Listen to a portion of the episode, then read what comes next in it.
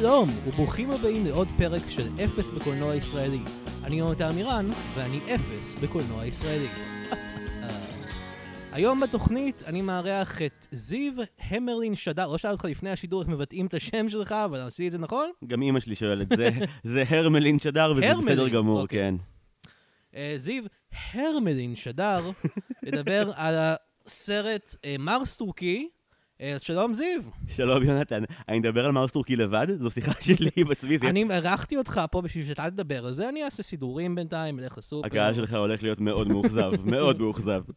אז uh, אנחנו נדבר, אני קודם כל אסביר בקצרה על מה הפודקאסט, כמו שאני עושה כל פרק.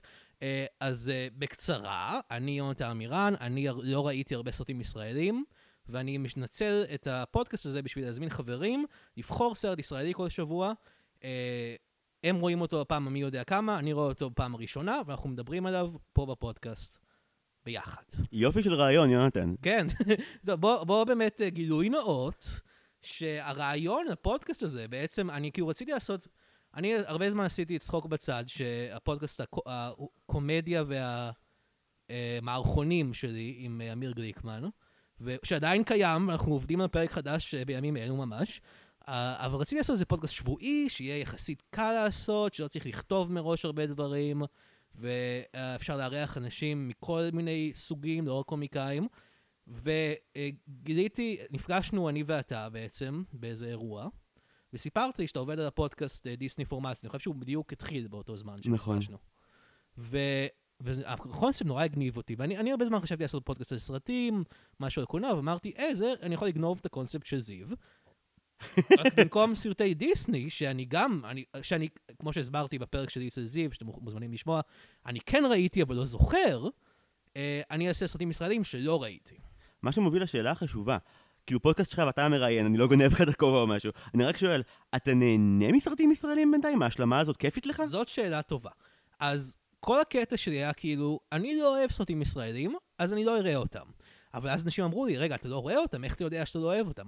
עכשיו אני רואה אותם, ומה אני אגיד לך, אני בדרך כלל לא אוהב אותם. אוי, לא. פשוט כי, פשוט מהסיבה הפשוטה והזה שאני... תקשיב, אני לא יודע למה אתם מקשיבים לפודקאסט הזה, באמת, אני לא איש חכם, אני איש מאוד טיפש עם טעם מאוד מאוד אה, ספציפי בסרטים. אתה מחמיר עם עצמך. והטעם הספציפי הזה, באופן מקרי לגמרי, בשאלה שאתה שאלת, מתאים לפרק שלנו היום, כי חלק מהטעם הספציפי שלי הוא קומדיות פשע, ואתה הבאת פה את אחת מקומדיות הפשע, ה- לא היחידות, אבל זה לא ז'אנר מאוד פופולרי בישראל. אה, אה, מרס טורקי בעצם, אז זה סרט שאני כן נהניתי ממנו. יש! רגע, זה הסרט הראשון בפודקאסט שממש אהבת? אה, לא, כי אני כאילו, זה, זה שונה, זה מאוד שונה, כי נראיתי כאילו מציצים ואמרתי כזה, אוקיי, אני מבין את זה, אני מעריך את זה, אבל לא כיף לי ממש. אני מסכים, מציצים הוא סרט שאפשר מאוד להעריך, אבל ליהנות ממנו קצת קשה, הוא אכזרי קצת. כן.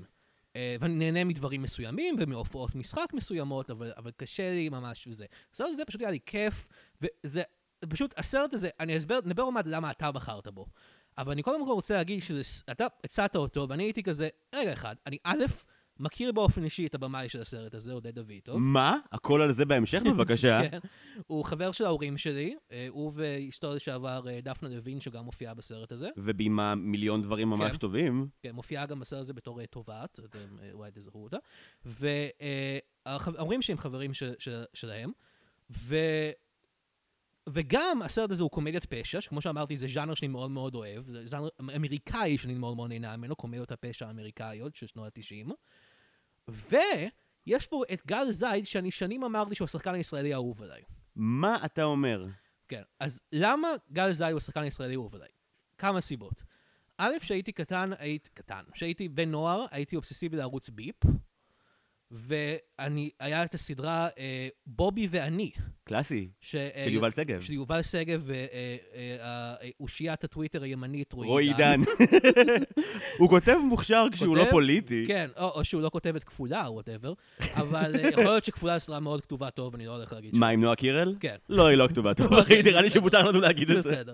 אז אה, הסדרה בובי ואני, ואני אני רואה פתאום את גל זייד, ואני כזה קצת זיהיתי אותו מדברים אחרים, ואני פתאום ממש ממש אהבתי אותו, הוא שיחק את הבוס המשוגע של, אה, של אה, הדמות של יובל שגב, הוא גם היה לפני זה בחיות פשע, משחק את אותה דמות, זה גם היה סדרה של רועי עידן ויובל, ויובל שגב, ואני ממש אהבתי אותו, וגם הוא שנים היו אומרים לי, זה, כי אני אוהב מאוד לעשות חיקויים, אני כאילו רואה את עצמי כסוג של טוב בחיקויים, ואנשים אמרו לי כזה, אתה לא כזה טוב בחיקויים, אבל יש חיקוי אחד שאתה יודע לעשות, וזה גל זית. ולכן מעכשיו את שאר הפרק תגיש בקול של גל זייד, נכון? חכה להמשך, אולי אה, הפתעות בהמשך. אה, ידעתי שזה מה. שיקרה. יונתן אה, בוחר את הסרטים לפי החיקויים שהוא יכול לעשות, זאת האמת. אין ספק, כן. הש- שבוע שעבר דיברנו על בלוז לחופש הגדול, כי אני עושה דור צויגנבאום מצוין. באמת? לא, לא. אבל אני כן שמתי לב בזמן הצפייה, אני דיברתי על זה יותר מדי בפרק הקודם, ואני אגיד את זה שוב, דור צויגנבאום, אבא של קופיקו, אה, מהסרט בלוז לחופש הגדול, נשמע בדיוק כמו משה פרסטר, זה מוזר כמה שיש להם את אותו קול. דור צוויינגנבוים כן מגיע יותר גבוה, אבל אני אני יכול להבין מאיפה אתה בא. כל הזמן שראיתי את הסרט הייתי כזה, זה משה פרסטר, אני שומע את משה פרסטר עכשיו. אני אעצום את העיניים שלי ואני אחשוב שזה משה פרסטר. מדהים. אני כן אגיד בנוגע למרס תורכי, שאני מודה עכשיו, כשכבר ראית את הסרט, ששיקול מרכזי שבחרתי דווקא בו, היה שתהנה ממנו. אה, כי סיפרת לי שאתה קשה לך עם קולנוע ישראלי, ואמרתי, אוי לא, הוא יראה מלא קלאסיקות, אבל הוא כבר בן 20 ומשהו, והוא כבר לא ייהנה מהם, וזה יהיה אסון בהילוך איטי. ומרס תורכי הוא אחד הסרטים הישראלים האהובים עליי, אבל אני חולה על קולנוע ישראלי, גם על סרטים שאתה מתעב, עיין ערך בלוז לחופש הגדול. אבל יש משהו כל כך כיפי בו, כי באמת, יש. יש סרטי פשע ישראלים, אתה יודע, לפני זה היה את מתחת לאף, וגם את, אה, את מקס ומוריס, שאלוהים יעזור אם אי פעם תראה אותו, זה חתיכת סיפור. מרס תורכי יצא בתזמון טרגי, כי הוא היה יוצא שנה אחת קדימה, ב-2002 ולא ב-2001, לדעתי הוא היה להיט ענק. הוא יצא ממש בתקופה שבה כזה כנפיים שבורות, וכזה חתונה מאוחרת יצאו, ואנשים שוב שוב ראו סרטים ישראלים, אבל הרעיון שלי פתח לקומדיית פשע ישראלית, עדיין לא. כנפיים שבורות היה השראה ל... היה לי קטע סטנדאפ שעשיתי פעם בערב סטנדאפ של עין הדג, שהוא סוג של ההתחלה של הפודקאסט הזה. כי דיברתי שם על זה שאני לא אוהב קולנוע ישראלי, והבדיחה שלי הייתה, כי קולנוע ישראלי זה הכל סרטים על משפחות עצובות שאורלי זילברשץ בנאי אומרת בהם, למה אתה מפרק את המשפחה? למה אתה מפרק את המשפחה? עוד חיקוי. Uh, וכנפיים שבורות זה אחד מהם. Uh, ואיים אבודים זה הקלאסי. אבל כאילו, בוא, אוקיי, חזרה למרס טורקי. Uh, למ, איך, איך אתה גילית את מרס טורקי בעצם? אוקיי, אז עודד דוידוף אמנם לא חבר של ההורים שלי, ואני מבואס מזה עכשיו מאוד, כל הכבוד לך. אה, אבל אני מעריך אותו מגיל מאוד מאוד צעיר. הגעתי אליו דרך בעצם מישהו לרוץ איתו, שיצא ב-2006, שהוא יצא בקיץ של לבנון השנייה, ואני שכאילו קולנוע היה תמיד האסקפיזם היחיד שלי, אז ראיתי את הסרט הזה שלוש פעמים בקולנוע, אהבתי את הספר, אהבתי גם את הסרט, ואז תהיתי, אתה יודע, מה עוד, מה עוד עשה. עכשיו, דאז עודד דוידוף עוד לא היה המפלצת טלוויזיה שהוא עשה כל כך הרבה סדרות שהוא ביים, ואז הוא היה באמת נחשב לבמאי קולנוע די מתחיל שהוא עושה פרסומות וסרטים. ומרס טורקי היה הפתעה נורא נעימה, כי אני זוכר את הפרסומות כזה שהיו עליו בטירוף בחיפה וכאלה, אבל אף פעם לא האמנתי שהוא יהיה כזה מצחיק, אתה יודע? בעיקר, בעיקר, בעיקר, כי משהו באכזריות שלו מפתיע כל פעם מחדש. בצפייה החוזרת אתמול, ניגשתי אליו בבהלה ואמרתי, וואי, בחרתי סרט שאני חושב שיונתן יאהב, ואני אראה אותו, ואני אתבאס עליו, ואני אגיע מחר את ההקלטה ואני אתבאס עוד פי אלף על זה. אבל ראיתי אותו, ותקשיב, אני נשפכתי ממנו לחלוטין, הוא כל כך מצחיק. הוא גם מאוד חתרני, אני לא חושב שהיה לנו סרט ישראלי עד אז שהציג אה, פמיניזם בצורה מהנה. אולי סיפורי תל אביב, אבל שבעצם לא ראית קטע לא סרטים לא. ישראלים. היה את, אה, אה, אה, אני כבר אגיד את זה, היה את, הפרק השני שלנו בפודקאסט עסק בשירת הסירנה, בכיכובה של דלית כהן, שבמקרה גם מככבת בסרט הזה, מככבת זה לא המילה הנכונה, אבל מופיעה בתפקיד אה, גונב את ההצגה משנה. בסרט הזה לחלוטין. ואני מאמין זכתה באיזה פרס אופיר או משהו. זה האופיר היחידי שהסרט הזה קיבל מתוך 12 מועמדויות. שזה מאוד מפתיע אותי, כי התפקיד שלה הוא לא מאוד גדול, וכאילו, היית, לא יודע, כאילו, זה תפקיד יחסית קטן, וכאילו היא קיבלה, משנה, אני יודע, אבל כאילו, לא יודע, משהו בזה הפתיע אותי. אבל דלית כאן, היא מסוג האנשים שאני לא ציפיתי שידבר עליהם כל כך, ידבר עליהם פעמיים בפודקאסט הזה. בכמה פרקים הראשונים שלו. כאילו, זה דלית כאן וצ'ארלי בוזגלו, בינתיים הופיעו פעמיים בשש פרקים הראשונים של הפודקאסט הזה, וזה מאוד מפתיע. צ'ארלי בוזגלו שזה מנו משמש, נכון? מנו משמש, אוקיי, שמופיע חשוב. גם בשירת הסירנה וגם בבלוז החופש הגדול. הלם. בתפקידים מאוד קטנים. אה, אגב, דלית כהן, אני בא לסגור מעגל ממקודם, דלית כהן גם עשתה תפקיד אורח בקופיקו, בתור מנחה בתחרות ציור. אז. הנה לך, קיבלת הכל. נהדר. אז אה, כן, זה סרט מאוד מעניין. אני תמיד משווה את הסרטים שאני רואה פה לקולנוע אמריקאי, כי זה הנקודת אה, השוואה שלי. וזה סרט שאני מרגיש מאוד קל להשוות. זה אולי חיסרון בו, שהוא מאוד אמריקאי, יש בו ניחוח מאוד ישראלי, בעיקר זה שזה, אה, אני, זה לא נעים לי להגיד, אבל אה, אה, הכל נראה קצת יותר זול בישראל, מה לעשות? זה ככה זה, כל הדירות נראות יותר זולות, אה, זה, לא כאילו השחקנים או משהו כזה, אבל משהו ב...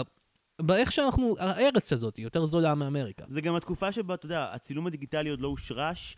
חכה שתגיע לסרטים שנעשו בארץ בין 2000 וכזה 2 ל-2005, התחילו לצלם בדיגיטל, אבל בציוד מזוויע שממש מכעיר את הסרטים מאוד. כאן זה הסוף של הפילם בישראל, וזה נראה בהתאם, אני מסכים איתך. אבל יש גם עוד עניין עם הלוק של הסרט הזה. כן. אה, אתה מביא במאי, שהוא האיש הכי ירושלמי בעולם, לביים קומדיה מלך תל אביבית. אם יש משהו שאני יכול לומר חיסרון במרס טורקי, תל אביב לא מצולמת מעניין בו במיוחד. לא. היא סתם עיר, זה גם יכול להיות חוץ בראשון. מהעצים המכוערים האלה, שלא הבנתי כמה הם מכוערים עד שצפיתי בסרט הזה, אני אמרתי כזה, אה, העצים בתל אביב הם- הם לא מאוד יפים, וואו. אה, כשתגיע לאסונות של נינה ב-2003, אני מבטיח לך, תחשוב אחרת לגמרי על העצים האלה. אוקיי, אוקיי. זה פשוט מצולם פה באמת. מצד שני, אתה יודע, כשהוא מצלם את הדמויות שלו, הוא עושה מהלכים מגניבים נורא. הסרט הרי מתחיל כן. כשמציגים לך את הנבל. קודם כל, איזה מוב יפה זה להתחיל כן. סרט מתח עם הנבל ולא עם הגיבורה. אני מת על כן, זה. אנחנו נדבר על הסצנה הראשונה, כי יש הרבה דברים להגיד עליה, אבל קודם, אה, כמו שאמרתי, אמריקה. אה, יש לנו פה שלושה אנשים שלושה אנשים שאנחנו צריכים להרגיש צורך לדבר עליהם. הראשון זה טרנטינו, כי אתה מדבר על קומיות פשע בניינטיז, שזה מ-2001, אבל ישראל תמיד מאחור עם הדברים. אה, אתה מדבר על קומדיות פשע ב nineties, אתה מדבר, באמריקה אתה מדבר על טרנטינו. לגמרי. ויש פה השפעות שלו, זוויות צילום, העלילה המסובכת קצת, אפשר לראות את זה. השפעה אחרת מאוד מעניינת שאני חושב שקיימת פה זה פול תומאס אנדרסון. וואלה. כי אני בעיקר חושב על הסרט הראשון שלו, אה, שראיתי במסגרת אה, קורס באוניברסיטה, ומאוד נהניתי ממנו, שנקרא Hard 8. Hard Eight. וואלה, אני לא ידעתי שהוא עשה משהו לפני Boogie Nights. לא, כן, Hard Eight זה הסרט הראשון שלו לאורך מלא. הוא בכיכובו של אה, פיליפ בייקר הול, אה, שהוא שחקן אה, אופי זקן כזה, וג'ון סי ריילי שם, וזה סרט מאוד טוב. ו... Hard Eight זה קוביות של משחק, זה שיוצא לך 4-4. איזה קטע. והסרט הזה, מרס טורקי, גם קוביות. וואלה.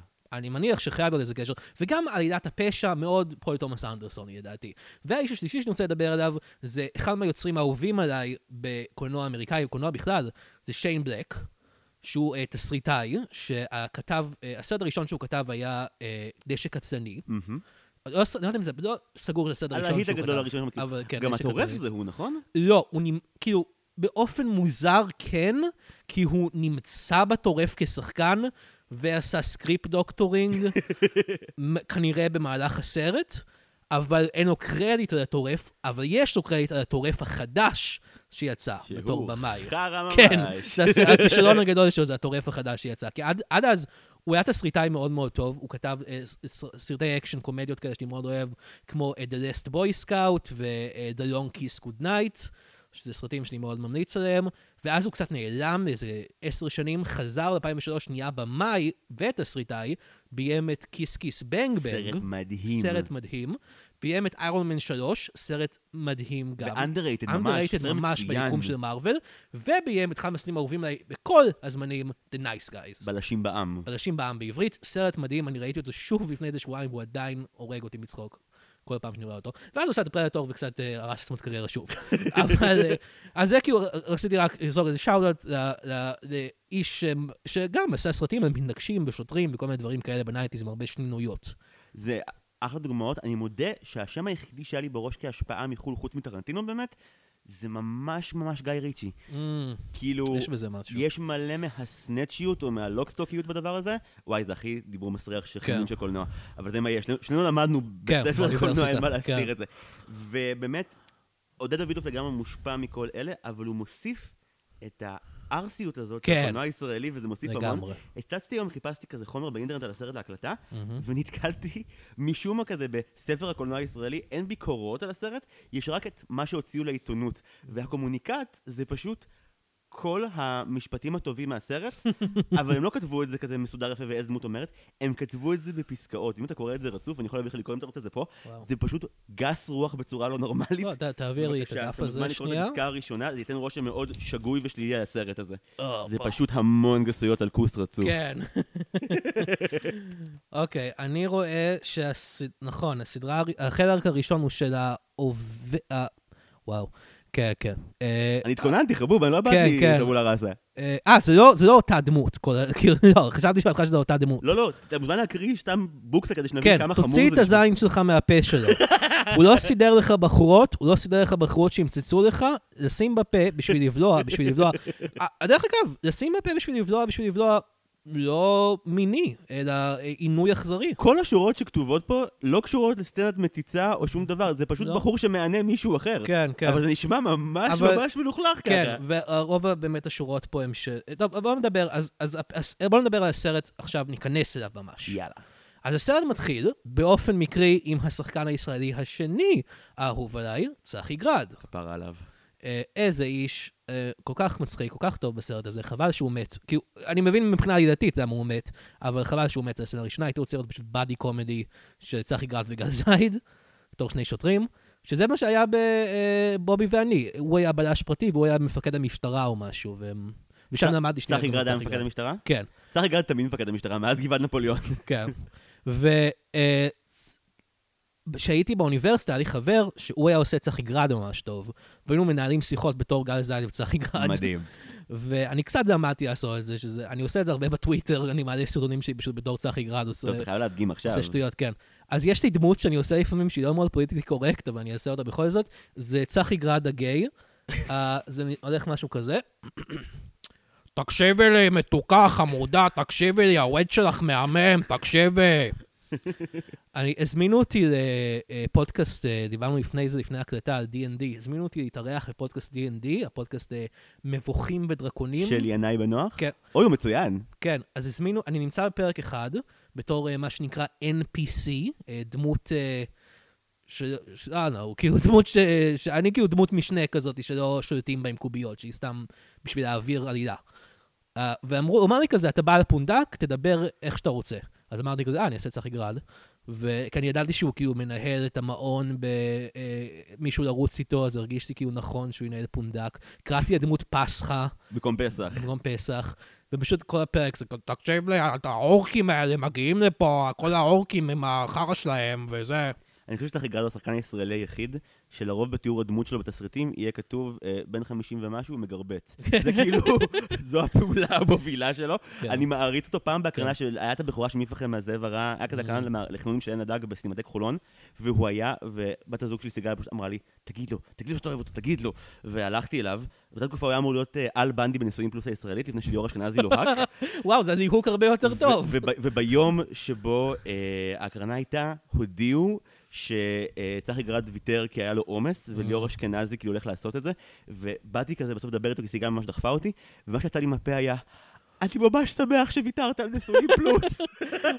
זה סיפור מאוד יפה. הוא ענה גם אני, זה היה רגע מאוד יפה בינינו, בדיעבד, אתה יודע, כנראה הוא כן. קרא את התסריטים ואמר, אה לא, שיט, אין מצב שאני כן. עושה את זה. אבל, אבל ליאור אשכנזי, גדול שחקני ישראל, יעשה את זה. אל תזכיר לו את זה, נראה לי שהוא לא מעוניין כן. שתזכיר לו את זה. אבל, צחי גד זה ליהוק הרבה יותר טוב לאל בנדי. צחי גרד זה ליהוק טוב כמעט לכל דמות כן, ולכל אבל שחקן כאילו, אחר. אבל כאילו, ליאור אשכנזי הוא חתיך מדי להיות אל בנדי, זה מוזר. נכון, הם קיירו אותו ועדיין חתיך, זה לא עובד. זה, זה מוזר מדי. זהו, Uh, יש לי סיפור דומה אגב על גל זייד. אני הייתי במשפחה שלי בג'ירף באבן גבירול, וזה היה בדיוק לפני שעשיתי את הקטע סטנדאפ הזה על גל זייד, שאני עושה בו את גל זייד וצחי גרד, בעין הדג. וזה היה לי יום לפני זה, ובדיוק הוא היה שם בחוץ, בג'ירף. וכל המשפחה שלי הייתה כזה, "ת- תלך, תלך, תלך אליו, תלך אליו. וכל זה הייתי כזה, לא בטוח, לא בטוח, לא בטוח. יש לי תמונה איתו, סלפי, מה שנקרא, אה, מאוד מוזרה, שזה אה, זה מתבקש. תקדם את הפרק עם זה, אתה חייב. אני אקדם את הפרק עם התמונה שלי עם גל זית, התמונה המוזרה שלי. אוקיי, אז חזרה לסרט. רגע, דבר אחרון, אני מצטער, פשוט... כן. אתה כזה... עשית לו את החיקוי שלו? לא, חס וחלילה. רק מוודא. רק מוודא. אוקיי, טוב, בוא נדבר אה, על מר סטוקי, נו, הגיע כן. הזמן. לא, כן, לא, כן.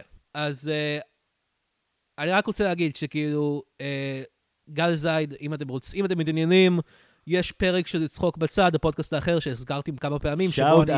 שבו אני עושה את גל זייד, זה פרק עם ענת אורן, ותקשיבו לפרק הזה. אוקיי, אז אנחנו מתחילים עם, עם צחי גרד ואשתו אה, בבית.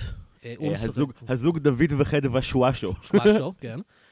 אה, והם אה, הם בבית, הוא רואה איזה סרט פשע. הסרט מתחיל בעצם כמו שכל סרט טוב צריך להתחיל, שזה עם שוט של צחי גרד. ככה סרטים צריכים להתחיל. וואי, אני... טוב, זה זה- זה ממש אה, קטנוני ומאפן. כן. אה, הוא לא מתחיל עם השוט של צחי. לא, הוא. מתחיל- הוא מתחיל עם הוא גל זייד השחקן וה... הראשון שמופיע. נכון, הראשונים שמופיעים זה גל זייד והשומר ראש שלו, קדוש. כן. לדמות של גל זייד קוראים פטריק, ובעצם הם נכנסים לבני ברק אה, מחופשים לדוסים. כן. ואז אנחנו רואים את את צחי גרד, הוא לא רואה סרט פשע, הוא רואה... לא, לא, לא אמרתי פשע. הוא-. סרט טבע, זהו, הוא. הוא רואה באמת חיות אוכלות אחת את השנייה. Mm. כנראה שזה היה אמור להיות מטאפורה, זה לא באמת מטאפורה לכלום, אבל זה נחמד. אבל זה. נחמד לפתיחה. כן.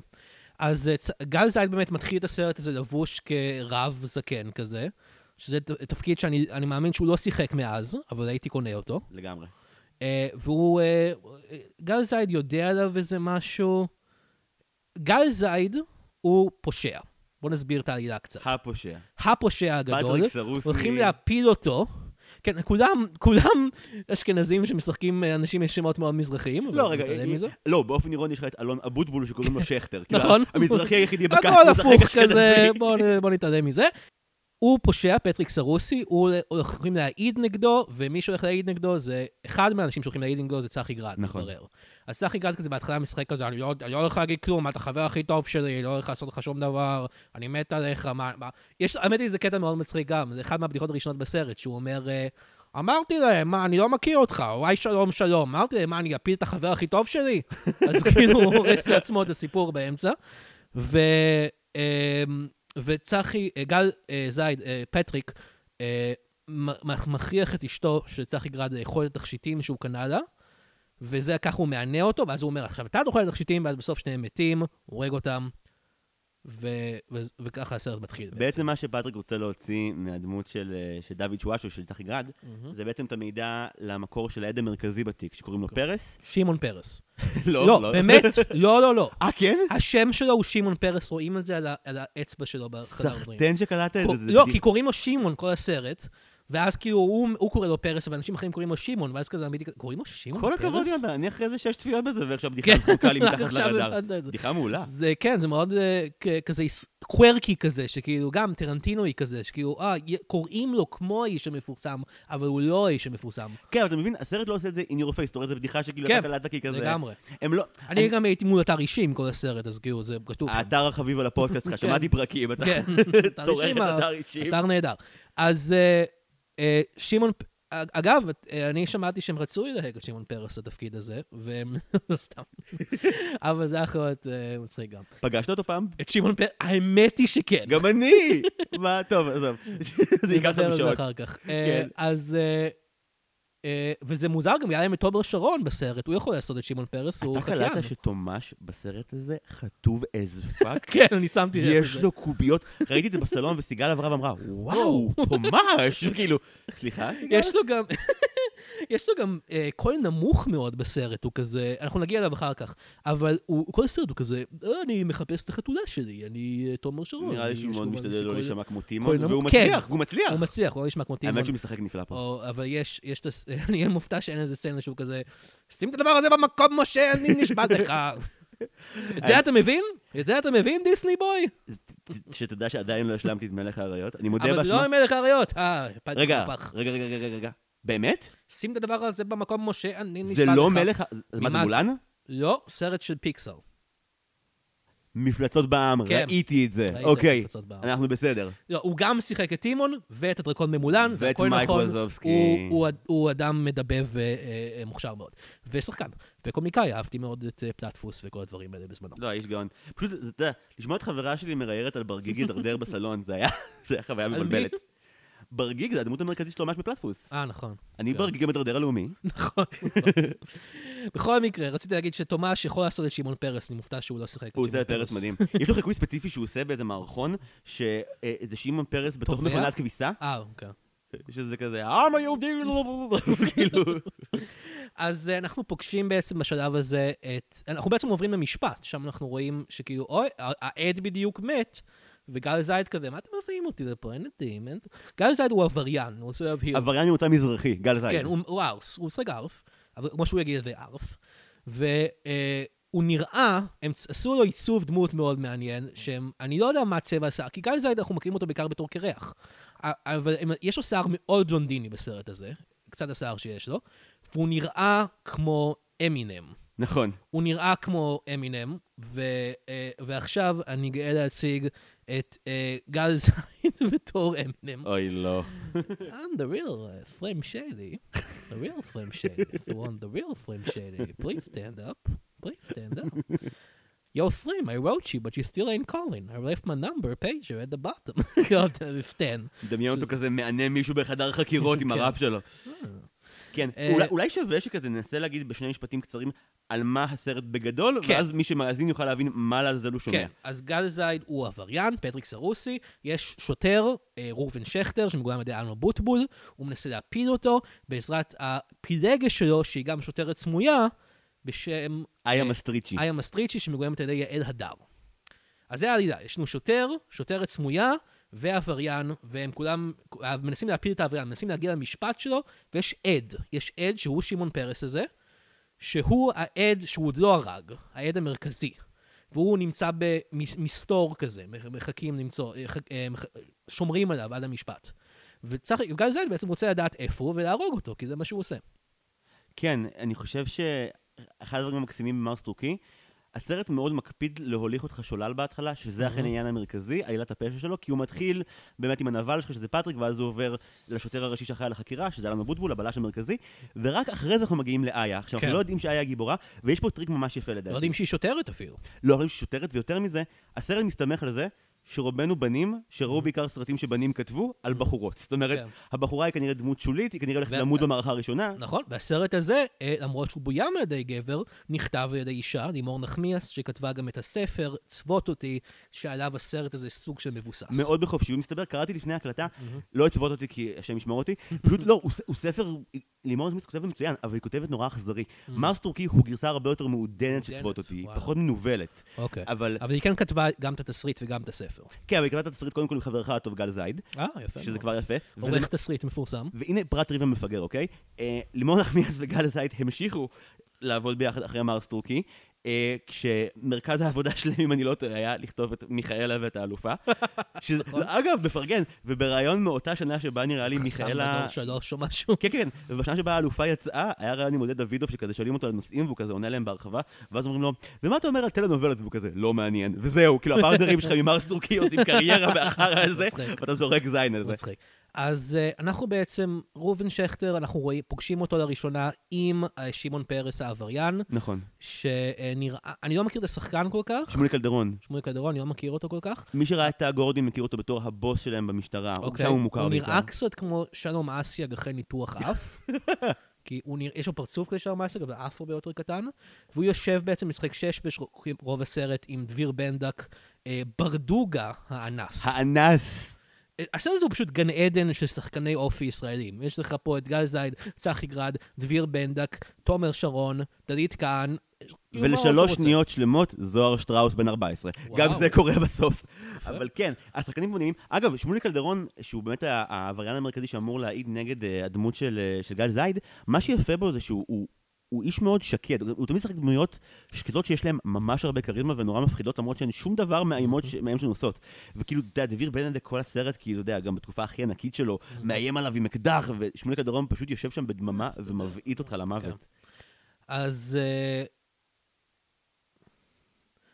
אז הם שומרים על, אה, על קלדרון, ובזמן הזה אנחנו עוברים לדירה שנראית שלא קשורה לס- למה שקורה בסרט בהתחלה. נכון. הדירה של תומש, שהוא בה הוא גר, אה, שומ... אה, הוא... לא, הוא גר שם, כן? לא, כן. או שהוא רק שומר על הדירה. לא, לא, הוא בשביל- גר שם ושומר על חתולה של מישהו, הוא לא שומר על? חתולה, חתולה היא דמות מרכזית בסרט, אנחנו נדבר עליה. הוא שומר על חתולה מטורפת, שכל פעם שהיא שומעת אה, טלפון על ספיקר, היא קופצת, וזה זה העלילה שלה בסרט, בעיקרון. אה, כן, וזה יהיה הרבה יותר משמעותי משאתה מצפה שזה יהיה. כן, כי זה ממש, אה, איך קוראים לזה? צ'קוב זה קט. כן, היא ממש... צ'קובס קט?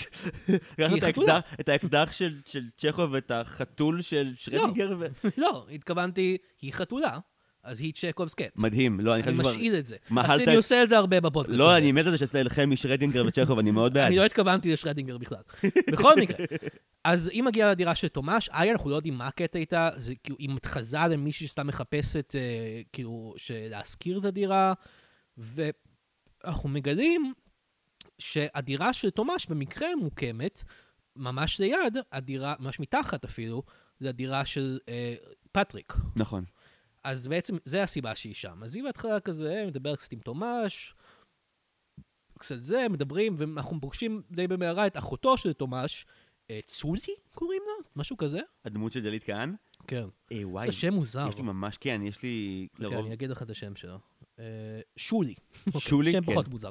אה, אבל עדיין, סולי. כן. אה, אז פוגשים את שולי, שהיא אה, בעצם תביא איזה מוטיב מרכזי לסרט, שזה מוטיב האורגזמה הנשית. אה, אנחנו... אנחנו- שכנראה על זה בעצם מדבר הסרט בעומק שלו. כן, ה tagline של הסרט, אה, אגב, הוא גומרים הולכים, שזה tagline מעניין שאתה לא תבין למה הוא ה tagline עד שאתה רואה את הסרט. כן. זה לא סיפור על חבורת שוטרים שמחפשים עבריין, זה סיפור על בחורה שצריכה לגמור ומהר. כן. והמסע ובגלל זה הזמנתי אותך ואותי כדי שנדבר על זה, כי אנחנו מאוד מומחים. זה כמו שאצלי בדיסני פורמציה, תמיד סרטי נסיכות שני בנים, זה פשוט תמיד ליהוק שגוי. אבל כן, אני מאוד בעד זה. הסרט אבל באמת כל הזמן משחק, אוקיי, באוניברסיטה למדנו את הקטע הזה של... למדנו את המאמר ההוא של לורה מלוי, שלמי שלא מכיר, מדבר על זה שבעצם רוב הסרטים הם בואים מנקודת מבט של המייל גייז. המייל גייז, שגבר, איך גבר היה מסתכל, וכשמשהים את העלילה זה בשביל לראות בחורה ולהפשיט אותה במבט שלך ולהתחרמן ממנה. והסרט כל הזמן משחק עם זה שהוא יודע שהצופים רגילים לזה, אבל כשאתה מתבונן על איה, איה גם יודעת שאתה מתבונן עליה, והיא מפתיעה אותך ומשקרת לך כל הזמן. כן. הדמות שלה מתעתעת ומגניבה.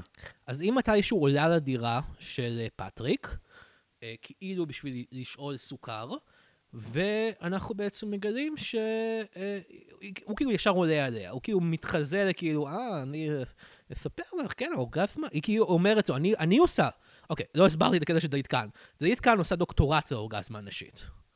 זה הקטע, זה הקטע של הדמות שלה, היא מומחית, היא כאילו רוצה לכתוב מאמרים על סקס ועל פמיניזם. זה גם מוביל המון סכסוכים עם הארוס שלה. הארוס כי כאילו, שלה. הסקס שלה איתו הוא בסדר, אבל אימא שלו כל הזמן מזלזלת במחקר. שלה, והיא בחזרה מתאפקת כל הזמן לא להגיד לאימא של הארוס כן. שלה, כאילו, בעלך פשוט לא מזיין אותך כמו שצריך כן. ורדה, כאילו, ברור שאת כן. מבואסת על זה. יש לה איזה שם אפילו יותר מוזר מוורדה. נכון, נכון, יש לזה שם משונה. כאילו, אה, אני לא זוכר אפילו. אתה יכול להסתכל בדף הגסויות שהבאתי לך קודם, זה כנראה מופיע שם כמו כל כן. שאר השורות הגסות. בסרט שכתובות בפסקה אחת. בכל מקרה.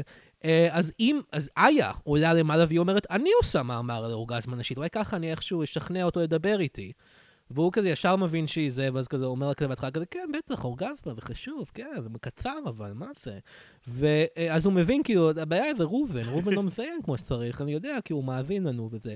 אז הוא עובד עליהם, צוחק עליהם, אבל הוא לא יודע שהיא שמה אה, מכשיר האזנה בשיער של השומר ראש הענקי שלו. שגם הוא דמות משנה מושלמת. כן. קדוש- לא יודע מי השחקן שלו, קוראים לו אבי מדר. אבי מדר. לא ראיתי אותו בעוד דברים לצערי, אבל הדמות של קאדו שומר הראש היא הלב והנשמה של הסרט. Mm. היא גם אחראית בעקיפין אחת הבדיחות הכי טובות בסרט, כשהוא עובר אה, ליד מישהי בבניין, והוא אומר לה, יש לך אש? והיא אומרת לו, קח שתי אבנים ותדליק בבון, והולכת משם. אני חושב שזו החברה של תומר שאומרת את זה. הבחורה שלו ממש מזיין, כן, שכאילו כזה... הפוסטמה, דברי דלית כהן. כן, שבעצם המטרה של, אחת מהמטרות של הדמות של איה לאורך הסרט, אם יש לי תלונה אחת על מרס טורקי ואין לי הרבה כי אני משוגע עליו, זה שהכתיבה בו קצת נוחה, נכון, כזה באביר האפל תמיד כזה, והג'וקר תכנן הכל, כל הזמן, כן. כל, אז כאילו, יש שתיים בסרט שכנראה שאיה לא באמת תכננה, היא פשוט זרמה עם זה, כן. ושהיא jazzing, אז זה אחד מהם, כאילו היא על הדרך גם מחליטה כזה להבריח את החברה של תומר שרון באיזה אקט מניפולטיבי כדי שהיא תוכל להיות איתו בסוף.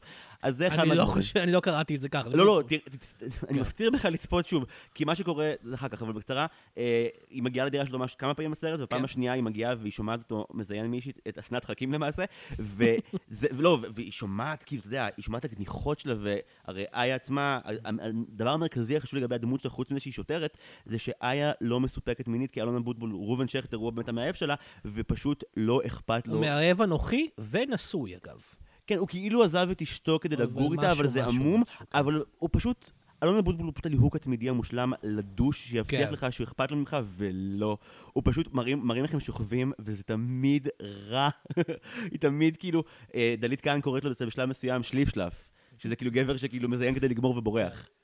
הם, היא מגיעה, היא שמה מכשיר ציטוט על, ה, על הראש של שומר השומר ראש שלו. קדוש, ו, אה, והוא לא, לא, לא תופס את זה בהתחלה. את זה הוא לא מבין, גל זייד. הוא מבין שהיא שמה מכשיר ציטוט איפשהו, אבל לא מבין שזה שם.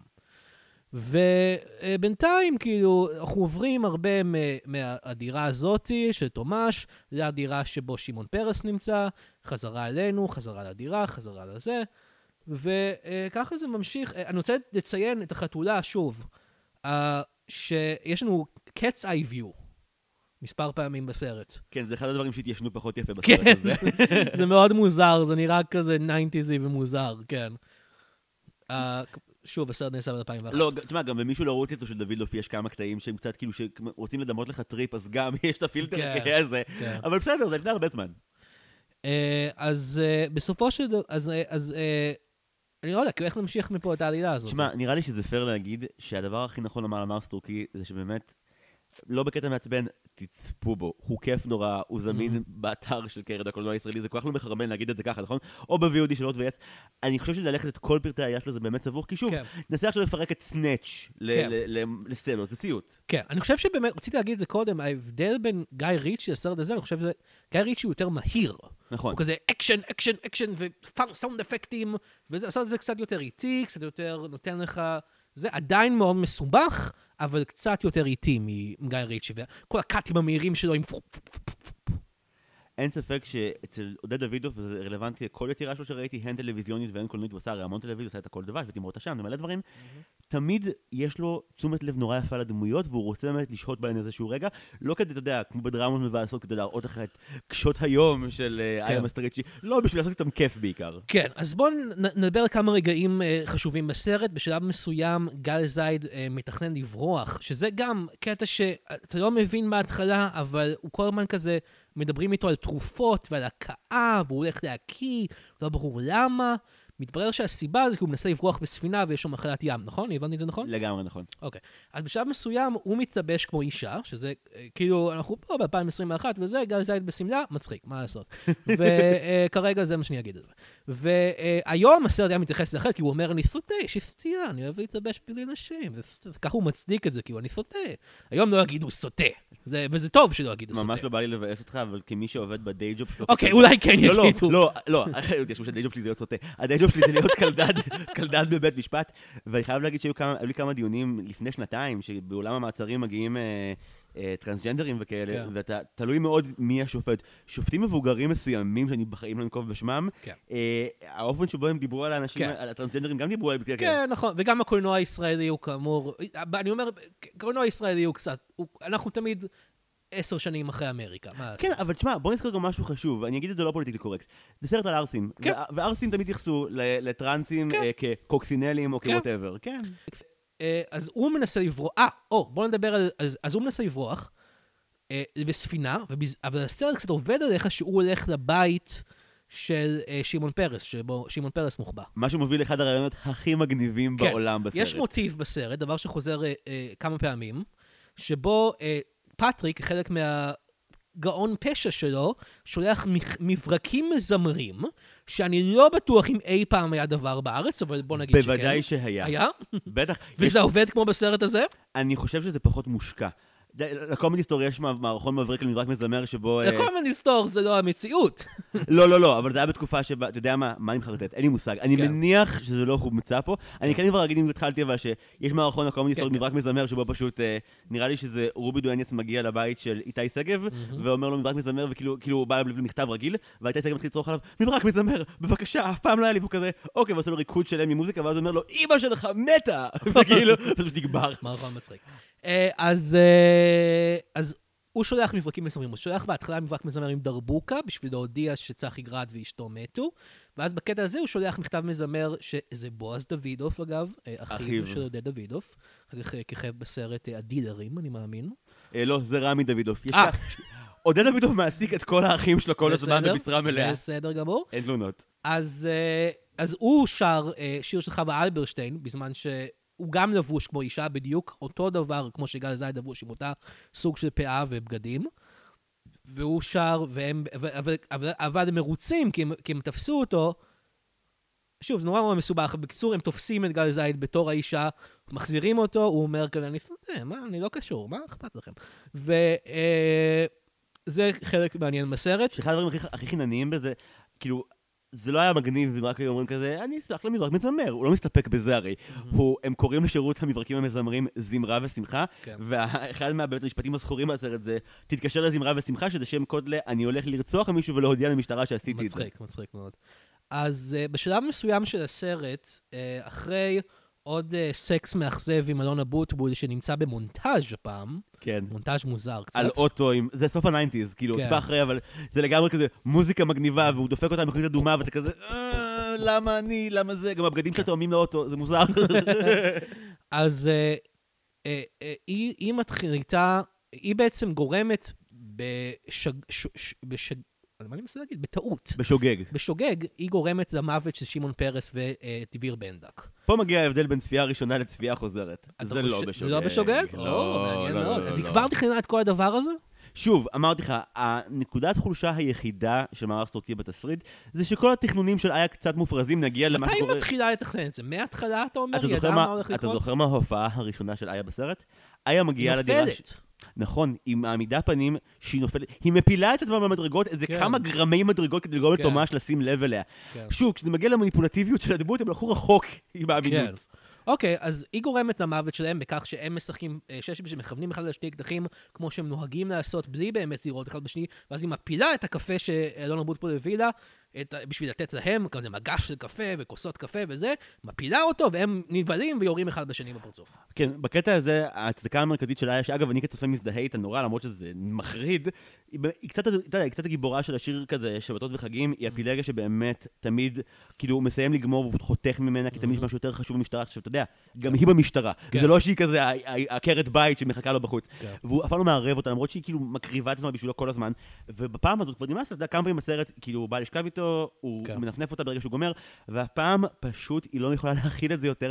אז בזמן שהוא שמח שהוא מגלה שכזה השוטרים תפסו את פטריק, וסוף סוף יש לו קייס, כי הוא ברח כן. מהבית שלו, אה, והיה במעצר בית, אז... איה פשוט אומרת, אני אדפוק אותה שמחה, ושוב, זה בהחלטה אינטואיטיבית וקפריזית, זה לא כן. תכנון מניפולטיבי של הג'וקר, אבל היא מפילה מגע שלם עם קפה, ובעצם גורמת לדביר בנדק ושמולי קלדרון, הפושע והאנס, לראות זה בזה, כי הם בדיוק מכוונים אקדחים כשהיא מפילה את הקפה. שאגב, הסרט עושה נורא יפה את הקטע שבו הם איזה 19 פעם לפני זה, כאילו, מכוונים אקדחים אחד על השני, כן. אתה אומר לעצמך כזה, טוב, די, נו. זה קטע של, לא. של הקומדיות פשע האלה שציינתי. תמיד, מה, תמיד, זה אה, צ'כוב וזה, אבל כאילו תמיד יש foreshadowing. foreshadowing זה מאוד חשוב בסרטים האלה. נכון. בכל סרט זה חשוב, אבל בסרטי פשע כאלה זה הכי חשוב. ובקטע הזה, אגב, לדעתי, מארס טורקי לא מפשל אף פעם ב foreshadowing כן, שלו. אותו ב foreshadowing. אז אה, אה, היא בשלב הזה בערך מחליטה להעמיד פנים שהיא בוגדת, היא סוג של triple cross, whatever, אבל היא הולכת לפטריק ואומרת, אני אגיד בשמך. אני אגיד ש...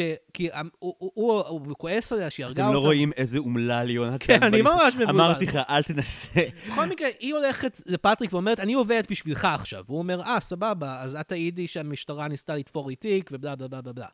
ואז תומש במקרה בשלב הזה, החתולה שלו, המטורפת, מגיעה לשם, ו... ואז כזה תומש רואה אותם, והוא תופס אותו כמובן, פטריק, ואומר כזה, אוקיי, עכשיו תהרגי אותו. אם את עובדת בשבילי, תהרגי את תומש. אני חשב, חייב להגיד בשלב הזה, שאם הייתי, לא בקטע שיפוטי חלילה כלפיי או כלפיך, אנחנו עושים כמיטב יכולתנו, אבל אם הייתי מקשיב לזה, אני חושב שהייתי אומר כזה, מה זה הטלנובלה הזאת שזה מצחיק, כי זה מה שגל זייד עשה אחר כך, כן. אבל, אה, אבל זה נכון, זאת אומרת, יש איזה מלא מיט הפנינג כיפים כאלה שמוביל לכך שבעצם תומש, שאיה כאילו גם קצת חושקת בו, כי היא שמעה, זה חשוב, בוא נעצור על זה חשוב שנייה." מאוד, בואו נדבר על הזווית. בוא נדבר על הזווית. אחד הדברים הכי יפים בסרט בכלל, זה הדמות של שולי באמת, של דלית כהן. אתה אומר לעצמך, סיגל, שוב, אני משתמש בת הזוג שלי בתור מקרה מבחן. סיגל עבר מדי פעם בסלון שצפיתי בסרט, ולאט לאט נשאבה פנימה, וכל פעם שהדמות של דלית כהן מופיעה והתחילה לדבר על אורגזמות וכמה חשוב זה להגמיר נשים, היא אומרת להגמיר הרבה שזה מקסים. אה, סיגל אמרה, מה זה קשור? אמרתי לה, חכי. ואיה, דמות שנורא מדחיקה את זה, שהיא מתוסכלת מינית, מהמפגש עם תומש, היא שומעת איך בחורות אחרות אה, מתרשמות ומסופקות ממנו, ושומעת את אחותו נואמת כל כך הרבה על כמה אורגזמה זה חשוב, מגיע השלב שבו היא פשוט רוצה את תומש ולא מודה בזה בפני עצמה, כי היא יודעת שהוא מתייחס לנשים ואכפת לו מאוד. דלית כהן נותנת דרשה שלמה על איך שאחיה פיתח זווית מיוחדת שבה שהוא נכנס, הוא גם עם העצם וגם עם הדגדגן, והוא גורם לסיפוק מיידי ומוחלט, ומהרגע הזה היה מבינה שהיא יכולה להשיג משהו הרבה יותר גדול, היא יכולה להשיג את הזווית של תומש, ובינינו, מי לא היה רוצה את הזווית של תומש, אם הוא היה כן, יכול? מי מאיתנו לא. הזווית של תומש הייתה גם אה, פיילוט כושל תוכנית מערכונים ופוליטית. בחינוכית עם תומר שרון. 23. עם תומר שרון, שבוצעה אחרי אה, חצי שנה. שאני אראה לכם את הזווית שלי, לא, לא, אל תעשה את זה. כן. אז, אה, כן, בפייסבוק. אז... אה, אוי, לא. אה, הייתי בסדר עד עכשיו. הייתי חייב להגיד את זה. אז, אז, אה, היא כאילו הולכת עם קדוש בעצם להרוג את תומש. היא שמה אותו בשטיח, ונוסעת עם תומש. ובדרך, אה, הוא אומר לו איזה משהו, אה, קדוש אומר, פטריק אומר לקדוש איזה משהו, לא ברור מספר כזה. כלשהו. מס- משהו, איזה קוד, והוא נותן לו כרטיס אשראי, ואז אז בדרך לקבור את תומש, הם הולכים, הם הולכים לחולות, הולכים קודם, הם הולכים קודם לחפור את, ה, את, ה, את הבור, ואז לקבור אותו, שאתה חושב בהתחלה שזה טיפשי, אבל אז אתה מבין שקדוש מתכנן לרצוח את שניהם, גם את תומש וגם את איה, אז זה הגיוני. כן, ואגב, נגיד, הנה משהו אמין. למה שפטריק יסמוך על השוטרת הסמויה שניסתה להפיל אותו לפני ארבע דקות? כן. הוא לא כזה אידיוט. אבל אה, הם נוסעים, אה, אם הוא שואל אותה בדרך קדוש כזה, אה, באגביות, אה, את יודעת מתי הייתה המהפכה הצרפתית? והיא מבינה שהמהפכה הצרפתית זה הקוד. ולא רק זה, בגלל שפטריק עשה לו סימן של thumbs down, היא מבינה שהקוד זה המהפכה הצרפתית, הפוך. נכון. מאוד מתוחכם. אז היא מגיעה שזה לחולות. הקוד לכספומט, כמובן. כי, כי באמת העברת הכספים המתוחכמת בסרט הזה היא בלי האקרים, היא פשוט בחורה הולכת כן. לכספומט ומעבירה 100 אלף שקל מחשבון אחד לחשבון אחר, שלא נראה לי שזה אפשרי באמת, אתה יודע? כן. אה, אז היא מגיעה לחולות, היא חופרת את הבור. אה, יש כאן קטע עם, עם, עם השפן והכובע, בואו נדבר על זה. אה, היא שואלת קודם את, את אה, פטריק, למה להרוג את תומש? והוא אומר, אה, אה, זה כמו הבדיחה עם השפן והכובע. והוא כזה שואל, קדוש, מה, מה עם השפן והכובע? אז היא מסבירה לו בשלב הזה את הבדיחה על השפן והכובע, בזמן שהם בחולות. והוא צוחק, לא רק מה... מה, שמה, מה שקצת טיפשי ומאוד מצחיק בסצנה הזאת, זה שקדוש מוצא את הבדיחה הזאת, הבדיחה היא על זה שהאריה והפיל רוצים להרוג את, השו, את השפן והוא לא שם את הכובע, אני לא יודע, מה הבדיחה? הקטע שאף פעם לא אומרים את הפאנץ' ליין האמיתי כן. של הבדיחה, אבל מה שמעניין זה שהוא צוחק לפני הפאנץ'. הוא נקרע מצחוק במשך כל הבדיחה. כאילו, כל שלב בבדיחה. והשפן פותח את הדלת, והוא כזה, השפן, איך הוא יפתח דלת? הוא שפן. לו יונתן, אני. מתפלא עליך. בתור אדם שעובד למחייתו בקומדיה, היא עושה סטאפ טוב, מה אתה רוצה לא, ממנה? רגע, בדיחות ישנות כזה של שלמה ארבס לא צוחק לפני הפאנץ'. כן, אבל ראית את קדוש, אחי? זה לא בדיוק איש שמעריך קומדיה מתוחכמת ואליטיסטית. איש, הוא, איש מתוק, אבל מאוד אלים, כי זה מה שהוא מכיר. בדיחות כאלה נועדו בשביל סטאפ קצר ופאנץ'. לא אבל היא צוחק לפני מתארת הסט. לו, היא, תקשיב, אני ממש אתווכח על הפרשנות, אוקיי. על הפרשנות המטופשת של שנינו לדבר הזה. כי יש לך פה דמות אחת שזאת איה שהיא בחורה מאוד נבונה, ויש לך את קדוש שהוא טיפש. הקלישאה של כזה, אתה יודע, אה, הדובי. טוב הלב, שהוא גם רוצח קטלני, אתה יודע, קלאסי קומדיה פשע. כן. והיא מזהה שהומור יעבוד עליו בעיקר כשהוא אלים. אני פשוט ממש משקיעה בתיאור כל אקט אלים בבדיחה המאוד אלימה הזאת, כן. ואז מנצלת את ההפוגת צחוק שלו לדפוק לו מהדר בראש. היא קוברת אותו, משחררת את תומש, בשלב הזה אנחנו עדיין לא יודעים למה, אה, והולכת, ואז... רגע, רגע, אני שוב אפריע לך. את- אתה יכול לנחש למה היא משחררת את תומש בשלב הזה. אה, כאילו אני חשבתי, אגיד לך את האמת, אני חשבתי סתם בגלל שהיא לא רוצה להרוג אותו. לא, אני חושב שזה ממש לגיטימי שהיא לא תרצה להרוג את הבחור החף מפשע. כן.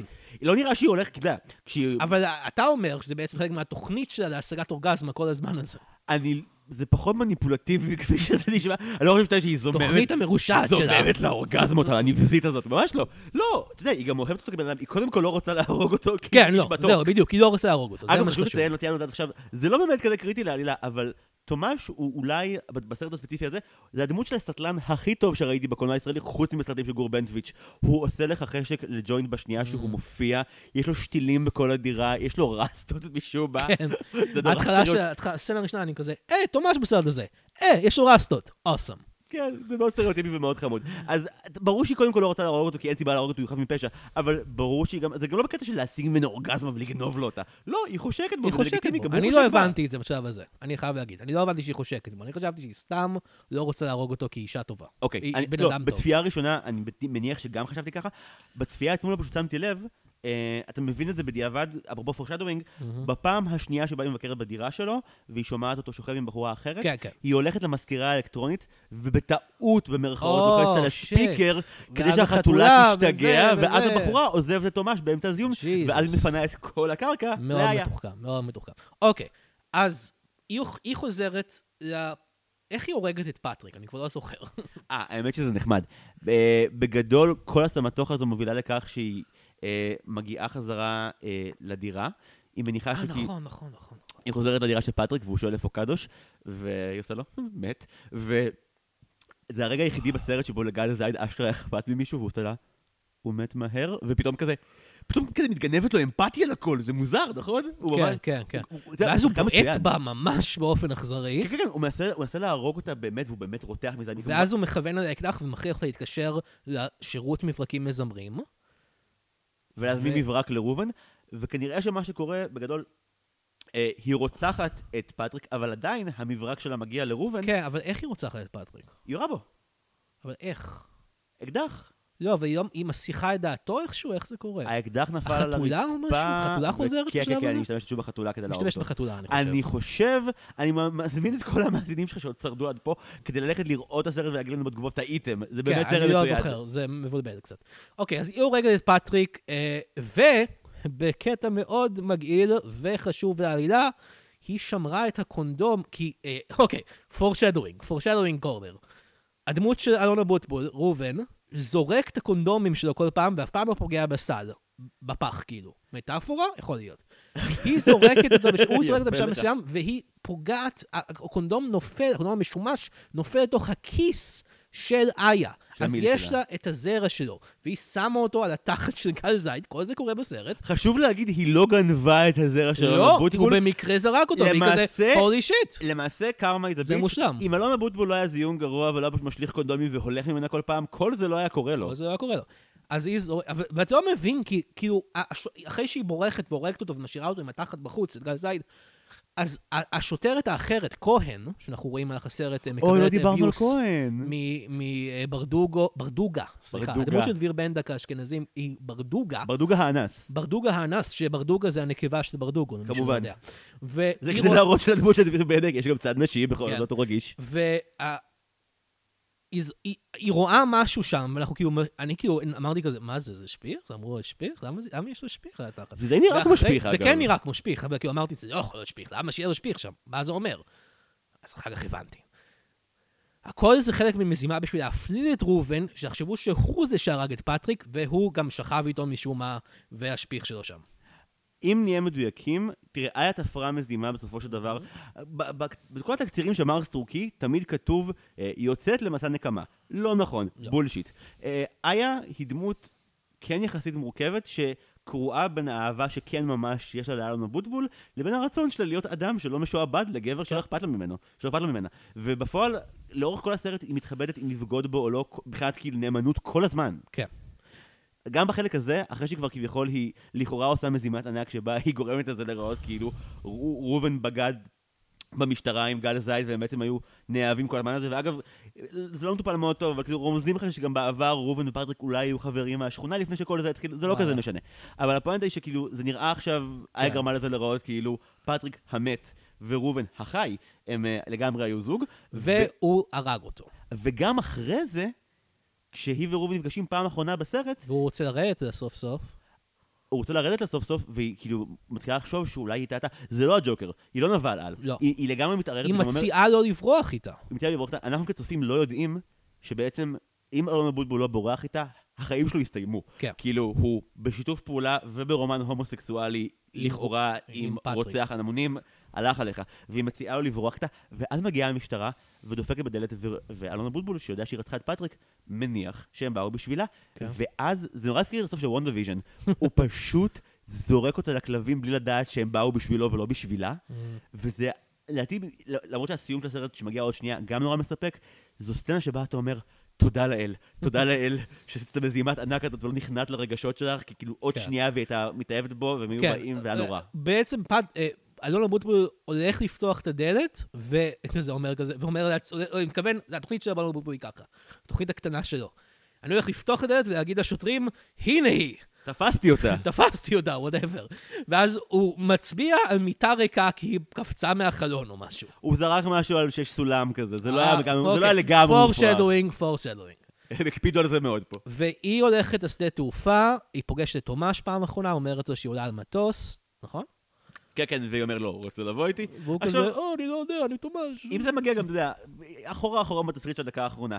בוא, אתה יודע, אין לו דרכון. בוא, הבחור סטלן, סטלן מת, אין עליו ארנק, הוא אומר עליי, אין לי תיק, אין לי כלום. ודרכון יש לך? אתה עושה כן. אותו עליך? אבל אני, אני אוהב, אה, הוא במקרה בשדה תעופה גם. למה? כי הוא בא להחזיר את החתולה שכל הסרט הייתה אצלו. לבעלים שלה שהיו בחופשה.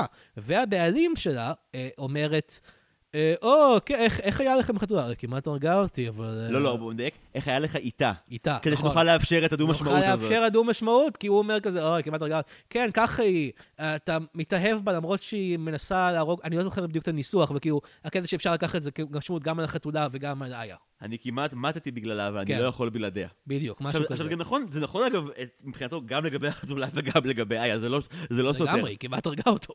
כן, אבל הוא באמת... אבל אה, לא באמת הייתה הוא לא, הוא לא מעז אה, לעזוב את הארץ, ובוא נודה בזה, הוא לא מעז לעזוב את הארץ, רק כדי שבסצנה האחרונה, כשהוא כן יעלה על המטוס, זה יהיה יותר נחמד. כן. אז הוא בסוף עולה על המטוס, והם כנראה מזדיינים על המטוס, אנחנו רואים את זה קורה. אנחנו רואים את זה, האמת שזה מקסים. עם שיר, אה, אה, אתה זוכר את השיר? אני לומדת לעוף? בוודאי שאני זוכר את השיר. תשמע, כשהסרט יצא, אז כאילו, זה היה כתוב. בשיר הנושא, לומדת לעוף של אז נאדה זה- ברגר. נכתב לסרט הזה, אתה אומר. אני לא, אני לא, לא, אני לא חותם על זה, נראה לי שלא. הם פשוט, תראה, זה כן סרט יצא באותו זמן. המטאפורה שלה לומדת לעוף וסוף סוף כן, לא, משוחררת כן. מדוש ומקבלת חיים כן, כן, ומסופקת מינית. שיר, זה השיר לגמרי מתאים שם. וכן, זה פשוט סרט מאוד כיפי, מאוד מצחיק, אחלה שחקנים.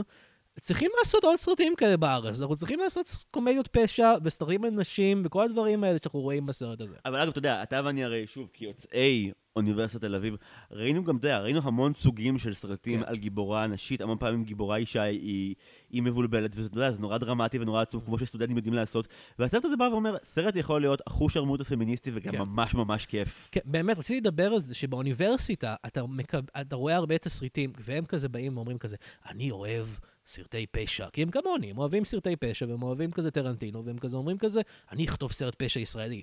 ומה לעשות, הסרטים האלה לא נעשים בסופו של דבר, הסרטים נעשים על הצבא.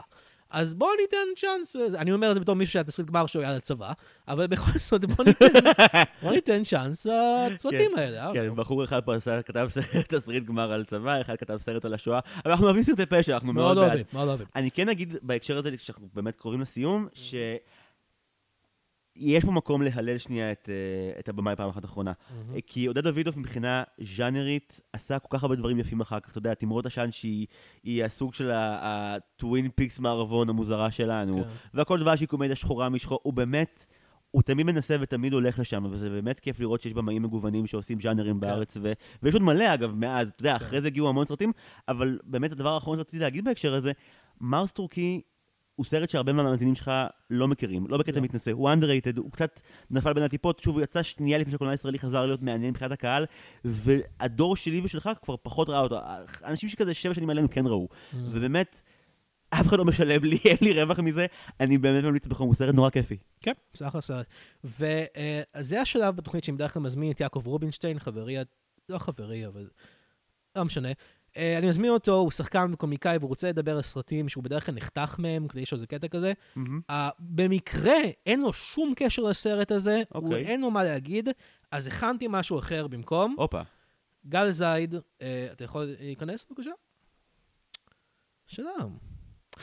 אני השחקן והתסריטאי גל זייד. כיף שבאת אלינו. תודה, תודה, היי וואי, אני מעריץ גדול של דיסאינפורמציה. וואלה. אני רוצה לבוא לעשות סרט על אטלנטיס, אה, בוא נדבר. אני במקור, אני אספר לך, לא הייתי אמור להשתתף בסרט אה, מר סורקי, כי ב-2001 הייתי באמצע צילומים של סרט אחר.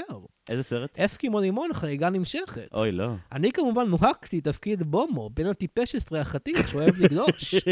אבל משום מה פוטרתי מהתפקיד הזה, אז הסכמתי להשתתף בסרט. כשקיבלתי את התסריט, הנחתי שאני אשחק את דמותו של ראובן, השוטר החתיך והקשוח, אבל משום מה הם התעקשו שאני אשחק את הרוצח הקריפי. עשו לך עוול. לא יודע למה. עד היום אני לא יודע. תודה רבה.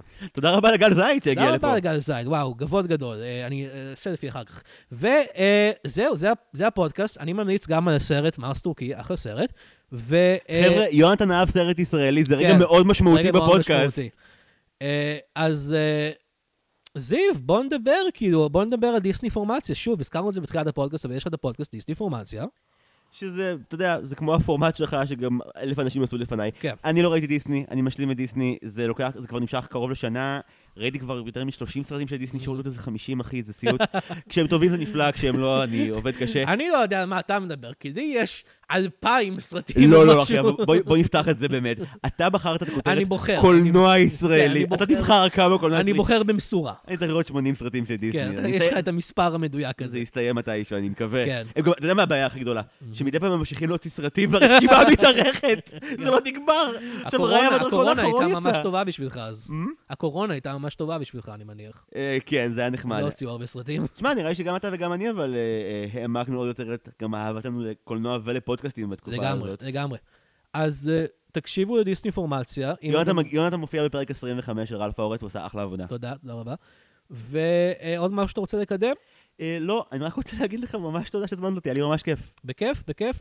ואני אגיד, אה, כרגיל, הפודקאסט אפס בקולנוע ישראלי, שהקשבתם לו עכשיו, למה שלא ידרגו אותו, תעשו את כל הדברים האלה, יכתבו ביקורת, כל הדברים האלה, קדימה, קדימה, תעשו את זה, בגודל של הראש שלך.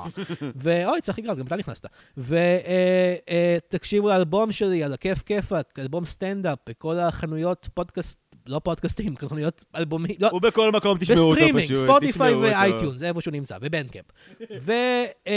ותעקבו אחרי בטוויטר אם אתם רוצים, את ג'וני אמירן, אתה לא בטוויטר, נכון? לא, אני בפייסבוק בתור זיו הרמלין שדר, או בעמוד הפייסבוק של דיסניפורמציה. יש אינפורמציה. וכן, אם אתם כבר בפייסבוק עוקבים אחרי דיסני אינפורמציה, תעקבו אחרי העמוד של אפס בקולנוע הישראלי, כי הוא אחלה עמוד, אנחנו מעלים עמוד משם שיעורי דברים הבית שהם. קיבלו בסקשן הזה עכשיו. כן. ונסגור את הפרק הזה, אה, כמו שאנחנו רק יכולים, עם גל זייד שר את אמינם. היי, my name is, hi, my name is, hi, my name is, chicka chicka chicka, flame shady. If you had one opportunity, one shot. Would you like that? Come on. טוב, תודה רבה. תודה רבה, זיו. תודה רבה, יונתן.